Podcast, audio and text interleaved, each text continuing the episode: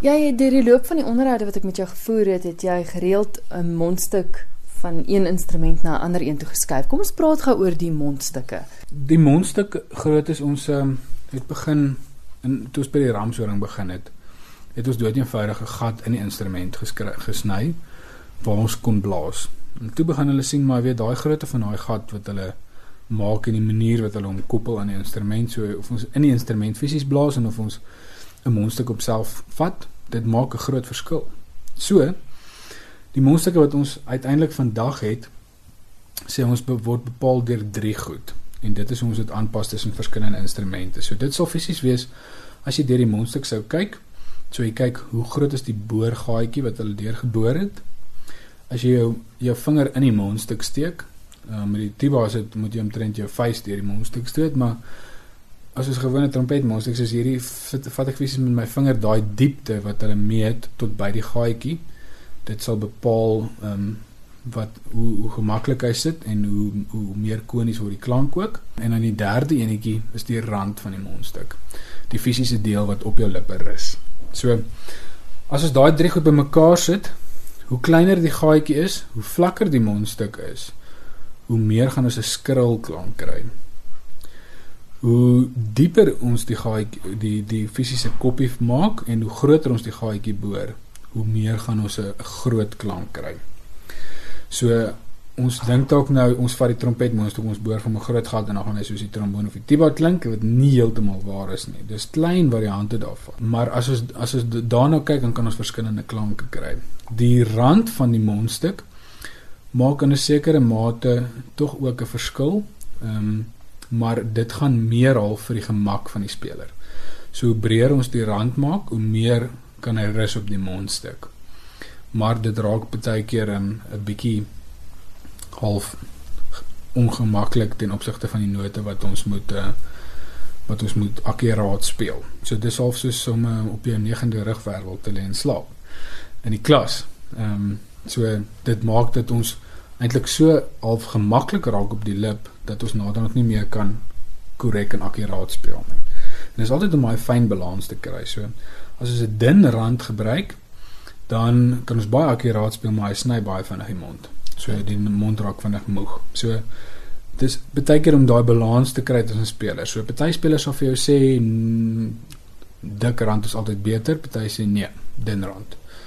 So maar wat ek gesien het is is baie keer hoe dunner mens die rand maak, hoe meer akkuraat is jou spel hoe dikker hy raak, hoe meer begin jy jou jou stamina begin jy bou of hoe hoe, hoe langer hou jou stamina. Soos ek op 'n dun mondstuk speel en ons het net so dan dan voel dit vir my hierdie dag was te lank geweest. Dan het ek heel dikwels al gesien dat vir albei trompetspelers is daar iets wat hulle voor in die kelk insit. Soos 'n ekstra kelk of iets. Hier ja, staan nou voorbeelde hiervan. Hier staan voor voorbeelde hiervan. Waarvoor is dit? So net soos wat ons verskillende instrumente ons het 'n uh, hele tyd bespreking gehad oor hoe verskillende instrumente verskillende klanke kan maak, hoe dit die die klankkleur van 'n orkes kan inkleer met verskillende goed. As ons dan verder gaan en ons gaan druk bietjie goedjies in voorin, dan um, begin dit ook ander klanke maak. Die die fisiese oorsprong daarvan is ek bietjie onseker van. Maar ek gaan sommer begin. Ek dink die eerste een wat dalk die rede was hoekom hulle by die goed begin eksperimenteer het, is um, my bure is glad nie lief vir my nie. Ehm um, sien ek uh, baie keer 'n uh, bietjie harder speel. So weet baie keer as ek ontevrede is met my bure dan begin ek net harder speel as ek oefen. En as dit net so 'n paar weke dan besluit hulle nee wat hierdie uh, hierdie huiswerk nie meer so hulle nie op. Kom ons trek. So maar toe bou hulle iets fisies wat ons voorin kan druk wat nie die intonasie gaan verander nie, maar wat die klank fisies demp. So ek gaan nou op dieselfde plek probeer staan hier soos wat die luisteraars die konsep kan kry. So hier is 'n gewone trompetklank. En dan druk ek hierdie demper, druk ek in. So jy kan oefen, maar nie die bure pla nie. Ja, sweet. Waarvan is dit gemaak? Hulle word hoofsaaklik van hout, karton of metaal gemaak.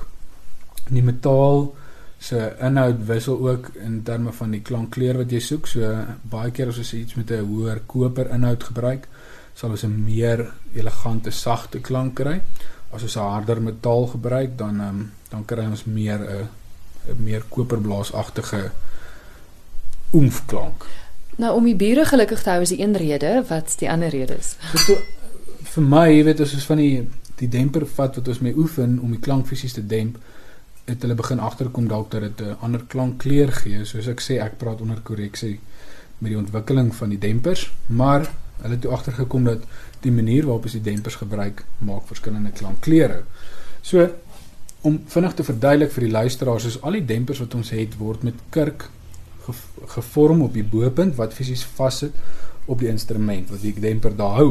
So die die die eerste een wat ons noem die oefening demper het 'n vol stuk kurk om met ander woorde die klank gaan suiwer in die demper in en kom suiwer in die instrument terug. Met ander woorde daar's geen manier reg vir die lug soort van voor by die instrument uitgaan nie. So hy dans binne in die instrument rond. So die tweede enetjie wat ons gebruik ons um, ek gaan die Engelse benaming gebruik. Um, ons praat van 'n straight mute. Ehm um, met ander woorde 'n reguit demper wat ingesit word. So die klank hy het drie stukkies kurk aan die kante. Met ander woorde die klank kan verbykom en dit gaan vorentoe. Maar hy het die metaal ja uh, balans wat hy op die op die klank sit. So dan kry ons hierdie klank.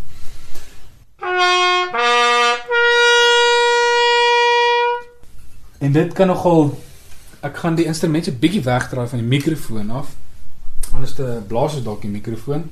Maar vir alles is baie hard speel op hierdie instrument, kry dit regtig 'n unieke klank wat ons so regtig 'n boorerige klank kry wat in jou oor kom. So.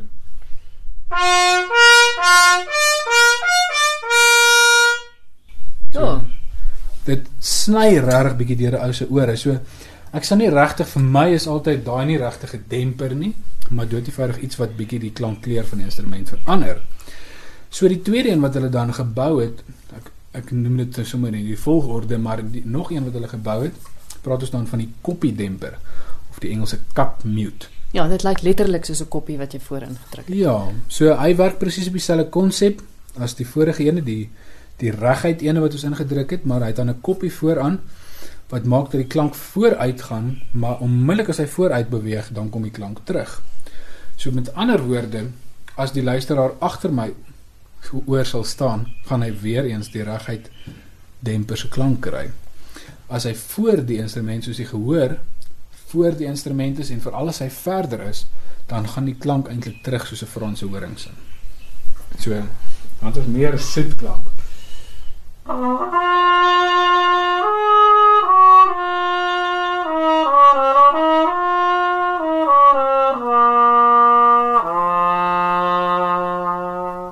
Dan kan ek begin. Ons het hier so 'n uh, sit net eers die uh, instrument mooi in mekaar het al. Die volgende enetjie wat ek gaan gebruik, het 'n soliede stuk kurk op soos die oefening demper.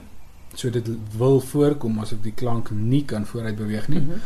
Maar in vergelyking met die ander dempers wat ons gehad het, hulle is almal geslote aan die onderkant. So hierdie ene is oop aan die onderkant.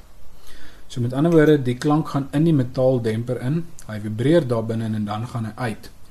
Ehm um, die van u wat bekend is met die trompet repertorium, Miles Davis, wat een van die groot trompetspelers was, hy was 'n baie groot ehm um, aanhanger gewees van wat ons noem die Harmon mute. So of die Harmon demper. So dit is iets wat half die klank solied demp. Ehm um, maar hy gaan tog vooruit.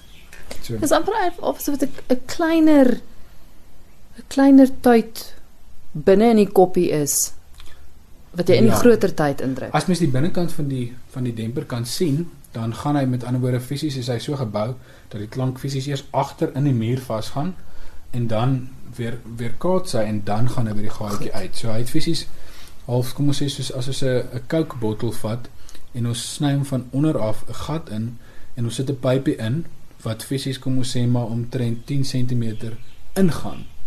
Dan beteken die klank gaan eers in die bottel rond en dan gaan eventually gaan hy uit by daai klein gaatjie. So, wat is hierdie klank?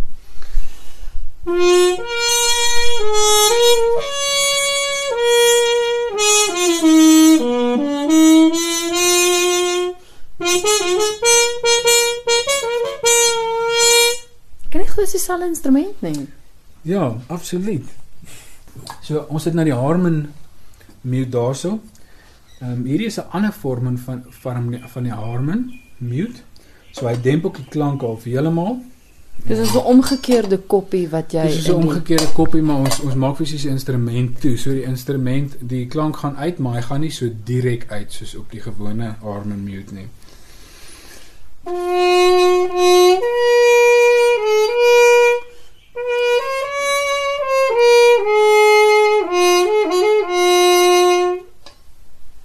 dis min of meer dieselfde effek.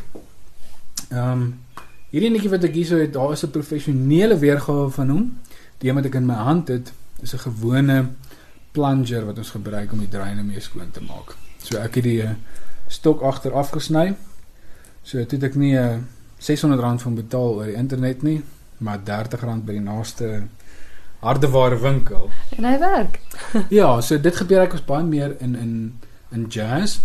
Ehm um, dalk belangrik om te noem dat hierdie gewone plunger wat ek gebruik, party van die ouens wat ons voor werk verkies dit. Ehm um, want die plunger demper wat jy fisies gaan koop teen 'n hoë bedrag is dieper. So party sal sê nee, gebruik eerder die plunger demper, die professionele weergawe want hy soek 'n meer diep klank. Ehm um, terwyl meeste van die jazz ouens sê nee, hulle wil eerder 'n gewone plunger hê. Hy het in eerste plek die rubber effek teenoor die metaal effek en hulle soek 'n vlakker s- m, weergawe van dit. Ja, ek is nou nuuskierig om te hoor hoe dit klink.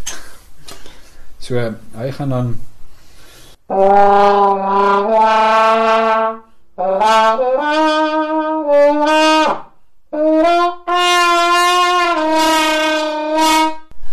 Verduidelik terwyl Braam gespeel het, het hy die die plunger voorgehou en hy het hom beweeg soos hy gespeel het. Ja. Verduidelik ek reg? Ja. Ja ja ja, so dit begin half soos wat ons in ons mond om seker goed te sê in plaas van om net te sê ja, daar gaan hy nou, sê ons ja, daar gaan hy nou. So as ek wil dieper praat fisies met die trompet, dan sou ek fisies die die plunger verder wegvat. As ek meer binnesmonds wil praat, dan maak ek hom bietjie toe. En dan wat ek bygesit het, ons praat in die jazz terme van 'n growl. So hy- dit is fisies soos 'n klank. Maar ons gebruik fisies die tong en ons ons praat van flutter. So ons sê rrrr. So as ek net dit doen dan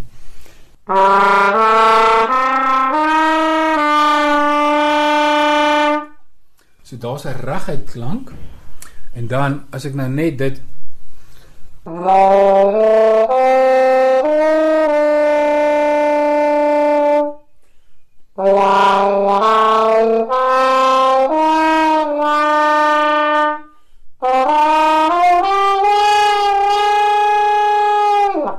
laaste een wat hy gespeel het, het hy die rrr klank en die plunger gebruik. Ja, so dit is maar 'n bietjie oefening met die hand en mond om al die om al die klankies daai te kry.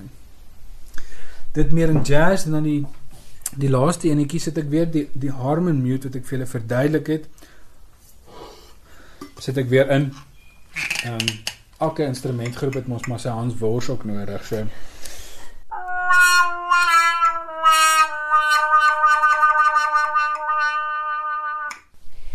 Dis aan die vorige een waarvan hy gepraat het wat die, die klein gaatjie aan die agterkant het en nou dat hy iets in daai gaatjie gesit wat jy ook in en uit beweeg. Ja, dit is maar ek beweeg hom nie in en uit fisies nie. Ons praat van 'n wawa mute. So hy's hy's afgebou dat my hand maklik oor hom kan gaan en dan fisies maak hy soos wat die naam sê wawa. Ah, ek verstaan. So lekker